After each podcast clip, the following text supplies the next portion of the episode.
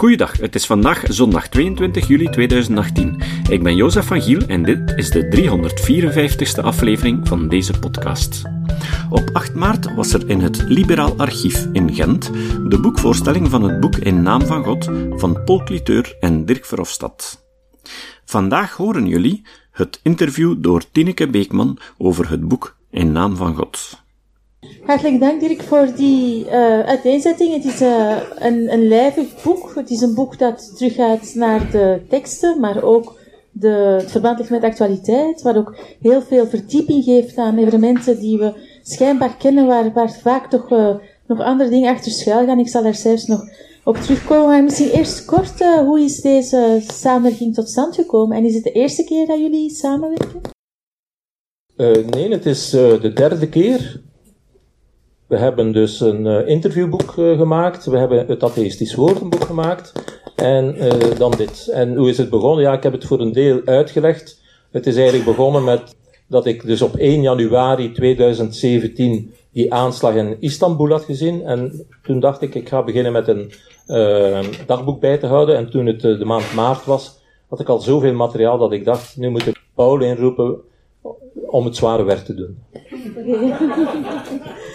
Um, iets dat heel erg uh, opvalt en wat een beetje een, een uh, rode draad is door het boek, is het feit dat het theo-terrorisme, zoals jullie het noemen, niet ernstig wordt genomen. En het staat ook in de uh, presentatie van Dirk, van die Bougeri, de moordenaar van Theo van Gogh, die zelf zegt wat zijn motivatie is, die zelf zegt, zoals u ook aanhaalde, als het mijn broer of mijn vader zou zijn geweest, zou ik die moord ook gepleegd hebben. En toch wordt wordt het verband minder makkelijk gelegd of zelfs gewoon uh, ontkend. Uh, Paul, hoe, hoe, verklaar je dat eigenlijk, die, die, ja, die blinde vlek eigenlijk? Het feit dat het los wordt gezien van religie. Dat is, eh, moet ik heel eerlijk zeggen, dat ik ga er nu over speculeren. Om, om die vraag te beantwoorden, dat is iets wat mij eindeloos gefascineerd heeft. In je kunt eigenlijk zeggen dat, dat zo'n beetje in 2011, na 9-11, toen kwam dit onderwerp, dat kwam op de agenda.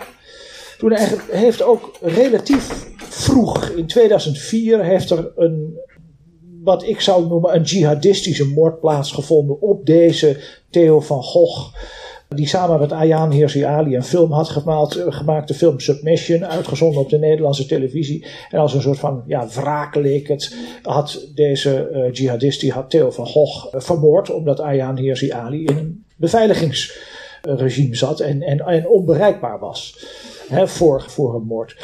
En een van de eerste dingen die, die, er, die er toen gebeurde na die moord, dat, dat was dat heel veel mensen zich distancieerden van Theo van Gogh. Heel merkwaardig. Uh, ik, om maar iets te noemen. De, de, de, de, de Nederlandse uh, dichter en schrijver Remco Kampert, die, die nu 88 jaar is, geloof ik. Of wat was hij nou? Of 82 jaar, ik weet niet meer. Die is, gisteren stond er in de krant, die hield op met schrijven. Een hele gevierde schrijver. En die had één dag na de moord stond er al in de, in de, in de Volkskrant een stukje dat hij hoopte niet dat nou uitgerekend Theo van Gogh als martelaar van het vrije woord de geschiedenis in zou gaan. Want, en dan volgde dan een hele hoop dingen waar hij het oneens was met Theo van Gogh. Nou mag dat best, maar er was een, een groot, ja, ik, zou, ik mag niet zeggen sympathie voor de moordenaar, maar toch in ieder geval een enorm begrip voor de moordenaar en een enorm kritische houding ten opzichte van het slachtoffer. Dat was bij Charlie Hebdo ook, hè? Dat was bij Charlie Hebdo ook. En, en, en in de zekere zin kun je zeggen dat al die discussies die er in 2015 plaatsvonden rond Charlie Hebdo, die hadden we in Nederland, hadden we die in 2004. En dat was met name, uh, vond ik zo, zo uh, indrukwekkend, dat het heel veel van de mensen, ook van de politieke e-, elite waren. Dus tot aan het Koningshuis aan toe. Ja. dus dus de, de, de, koningin die hield een kersttoespraak in, in 2004. Nou, dan zijn we dus nog nou, eigenlijk nog maar anderhalve maand na die moord. En toen zei de koningin, die zei, extremisme in woord en daad splijt de gemeenschap. Nou, daar heb ik heel lang over nagedacht en met mijn studenten ook wat dat nou precies betekent. Als de koningin dat zegt. Dus geen woord eigenlijk over, over, de, over de ernst van de situatie, maar het was extremisme in woord en daad. Dat splijt de gemeenschap. En toen kreeg je in Nederland ook een antiradicaliseringsbeleid en een contra-terroristisch beleid dat gericht was op zogenaamde depolarisatie. Maar dat waren de, de, mensen als Theo van Gogh en Ayaan Hirsi Ali en, en, ook, en, en, later werden dat de cartoonisten die het eigenlijk verweten werd dat ze olie op het vuur gooiden of provocatief bezig waren. Nou weet je dat geval van Molly Norris. Hè? Je, je, je, je, moest proberen tot een, uh, nou ja, eigenlijk de, de geweldsplegers te accommoderen. En dat is heel lang is dat dominant gebleven. En een voorbeeld dat u ook geeft is uh, het geval Rudy Karel in Nederland, dat eigenlijk voorafgaat aan Salman Rushdie. En dat, uh, waar eigenlijk voor het eerst de Nederlandse overheid openlijk toegeeft dat ze ge geïntimideerd is en eigenlijk vatbaar is voor de retoriek van fundamentalisten en achter het, het beperken van de vrijheid van, van, van mening staat. Ja, het interessante aan, aan, deze kwestie die je hier nu noemt. In 1989, dat hebben we net ook in de presentatie van Dirk gezien, was het dus zo dat um, um, Salman Rushdie een fatwa over zich uitge, uitgesproken kreeg door Ayatollah Khomeini van Iran. En dat was een, een ja, hoe, hoe, cynisch dat ook mag klinken, maar achteraf gezien een enorme uh, slimme en strategisch goede daad van die, van die Khomeini. En waarmee hij uh, in eerste instantie uh, Rushdie intimideerde en later vele anderen. En dat is een beetje begonnen in Nederland, ietsje eerder, in 1987. toen de minister van, van, van Buitenlandse Zaken, um, minister Van den Broek, inbelde op het moment dat er ge geagendeerd stond een persiflage op Khomeini uitgezonden op de Nederlandse televisie. Toen belde dus de minister van Buitenlandse Zaken, die belde live in en die, en die probeerde de toenmalige presentator van het programma, uh, Paul Witteman, ervan te overtuigen dat het erg onverstandig zou zijn om die uitzending te doen, omdat het gevaarlijk zou zijn voor de Nederlanders in Iran. Het zou de Iraniërs zou het provoceren.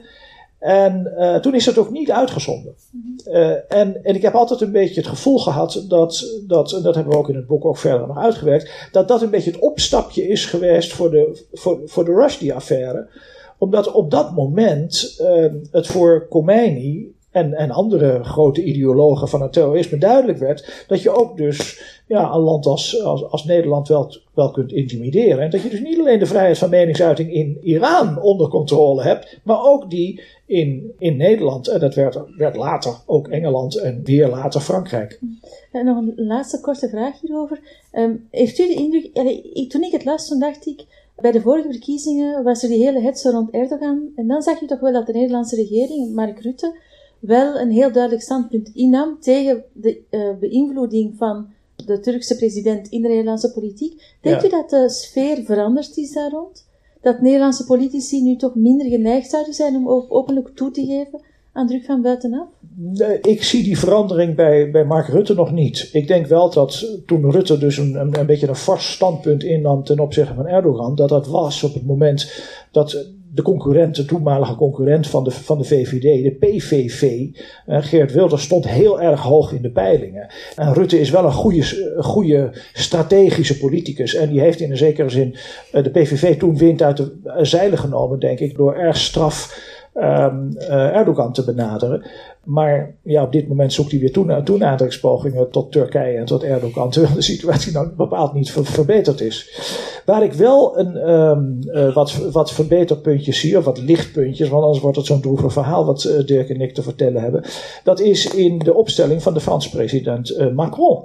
Dat is heel, heel bijzonder. van alle grote politieke leiders zijn er, zijn er maar heel weinig die iets zeggen over de um, ideële achtergrond van de aanslagen. He, het is dus allemaal, zoals Dirk net ook al heeft gezegd, dat heeft te maken met de sociaal-economische omstandigheden, het heeft te maken met de geopolitieke toestand. Uh, die mensen hebben geen kans op de arbeidsmarkt, ze worden gediscrimineerd en dat soort van verhalen. En er is heel weinig aandacht voor het, voor het gedachtegoed, voor de, voor, de, voor de religieuze motivatie. Maar nu heeft dus Macron eigenlijk sinds kort uh, gezegd: nee, hè, het gaat ook om dat gedachtegoed. Het jihadisme is een enorm probleem waar we mee te maken hebben.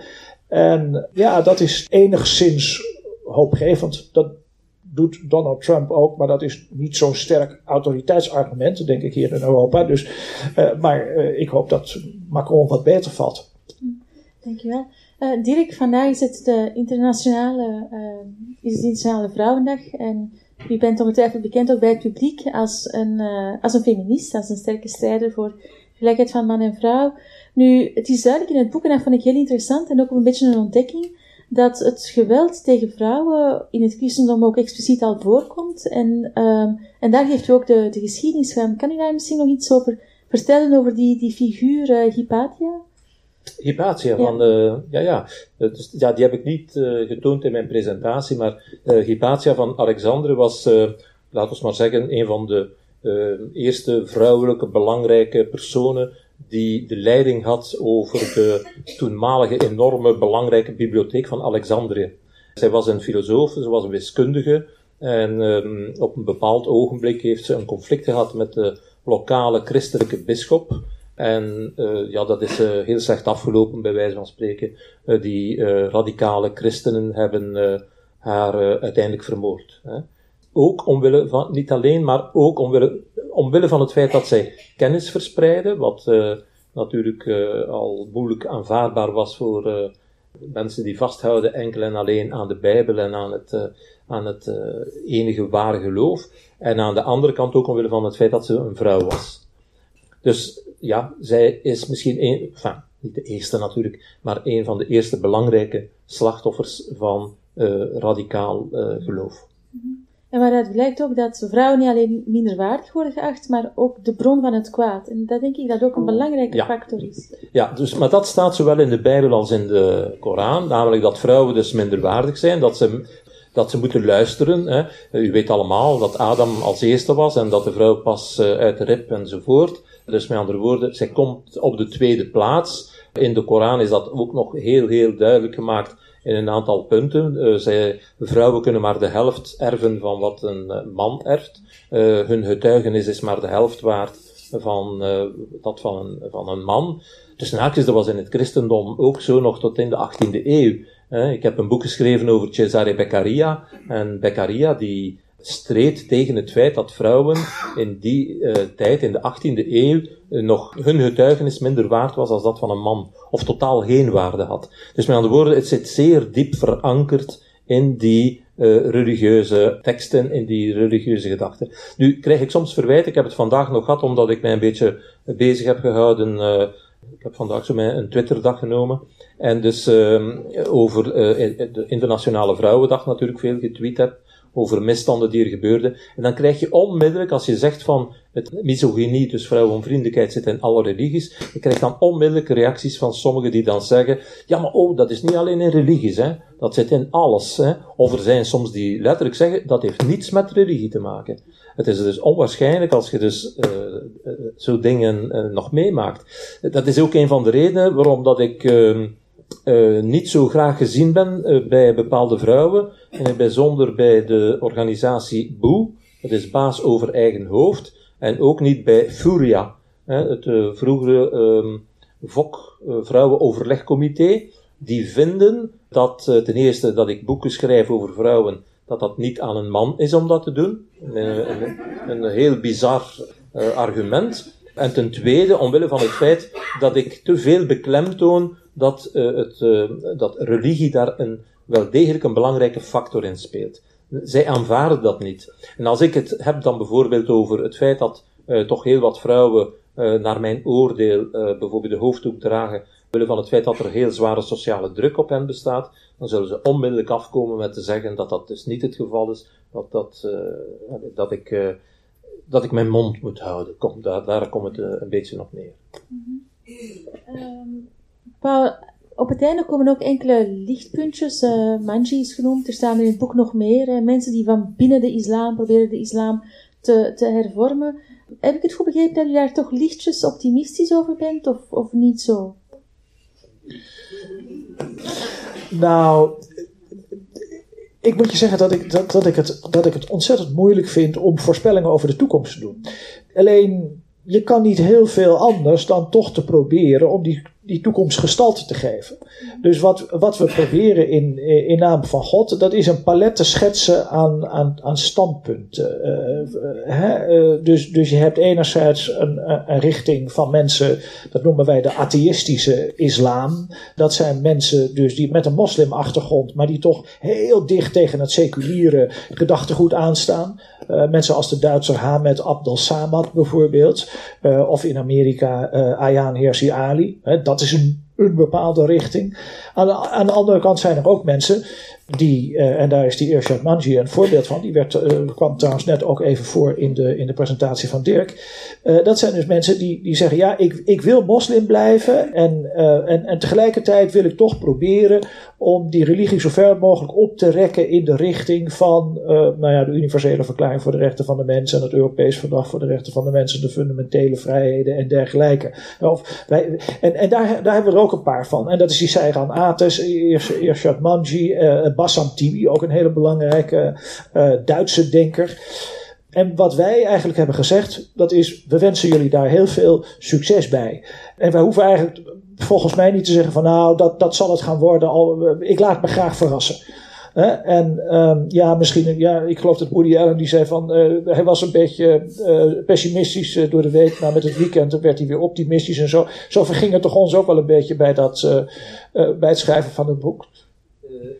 Ja, maar uh, er is toch een klein verschilpuntje. Ik ben een tikkeltje optimistischer. In die zin dat ik merk dat doorheen de ganse geschiedenis er één belangrijke stroming eigenlijk is. En dat is namelijk het feit dat mensen steeds meer recht op zelfbeschikking willen.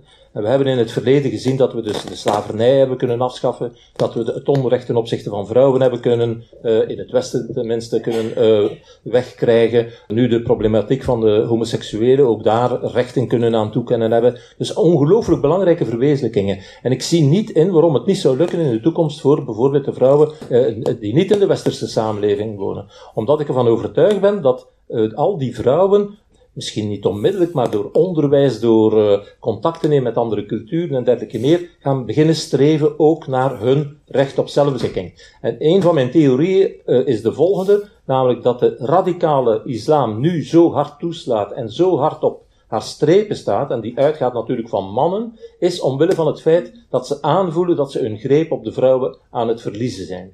En dat is, denk ik, de grote, het optimisme dat mij sterkt, maar dat zit een beetje in de familie, het optimisme dat mij sterkt om te zeggen, het zal in die richting gaan, het zal niet, het zal misschien nu en dan nog een keer een inzinking krijgen, maar het zal gaan. En wie had er 250 jaar geleden kunnen zeggen dat de slavernij volledig was afgeschaft? Wie had kunnen zeggen dat de vrouwen gelijke rechten gingen krijgen? Het is gebeurd, dus ik blijf ook optimistisch dat het ten aanzien van vrouwen in niet-westerse landen ook zal gebeuren. Dat lijkt mij een geweldig einde. Dankjewel.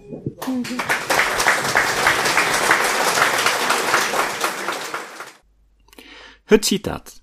Het citaat van vandaag komt van Armin Navabi. Navabi is de oprichter van The Atheist Republic. Hij is ex-moslim. Navabi zei: Ik haat de islam omdat ik geef om zijn slachtoffers die meestal moslims zijn. Anti-islam zijn is pro-moslim. Dit is geen anti-moslimhaat. In feite kan je alleen anti-islam zijn als je geeft om de moslims. Tot de volgende keer. Deze podcast is het resultaat van het werk van veel mensen. Rick de Laat verbetert bijna al mijn teksten en maakt de meeste vertalingen. Emiel Dingemans verzorgt onze website en Facebookpagina. Ook Leon Korteweg en Stefan Sutens schrijven, vertalen of verbeteren soms artikelen. Leon onderhoudt bovendien het YouTube-kanaal van deze podcast. De muziek van de intro en de trailer heeft Nick Lucassen geschreven en soms maken we ook gebruik van muziek van Ad van Nederpelt, die ons zijn prachtige composities ter beschikking stelt. Dit was de podcast Kritisch Denken. Vergeet niet om alles kritisch te behandelen, ook deze podcast. Voor verdere informatie over deze podcast, links en voor de tekst, surf naar www.kritischdenken.info. Als je deze podcast belangrijk vindt, kun je me steunen door anderen warm te maken ook eens te luisteren. Stuur een e-mail naar vrienden met een link naar de website en plaats de link in de handtekening van je e-mails. Tevens kun je op iTunes deze podcast een beoordeling geven of een recensie schrijven. Of je kan op je eigen website of blog een link naar kritisch denken plaatsen.